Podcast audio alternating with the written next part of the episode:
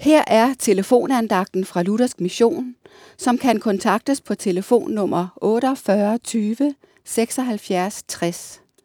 Mit navn er Helle Munk. Vi kan have så travlt med at lægge planer. Vi ved, hvad vi gerne vil og hvad vi ikke vil.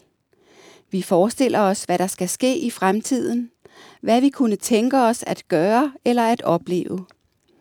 Men ofte må vi erfare, at tingene ikke går, som vi havde planlagt eller drømt om.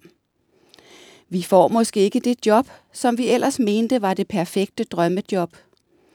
Den ægtefælle, vi ønsker os, finder vi ikke. De børn, vi drømte om, kan vi ikke få.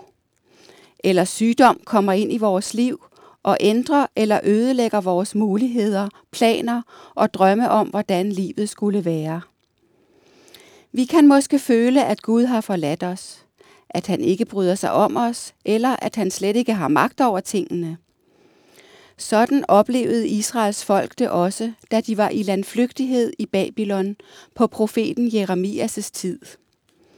Men så giver Gud Jeremias et dejligt budskab til dem. De får godt nok at vide, at de skal blive 70 år i Babylon, før de må komme hjem til Jerusalem igen.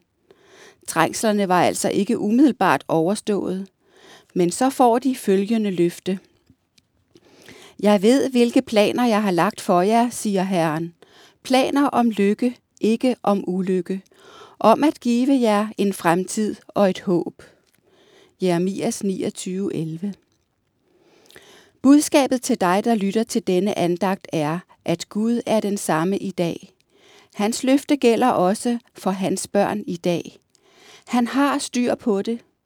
Vi slipper ikke for modgang og problemer, men Gud er med i det. Og han har gode planer for os om en fremtid og et håb.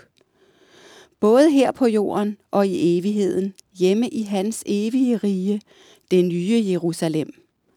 Amen.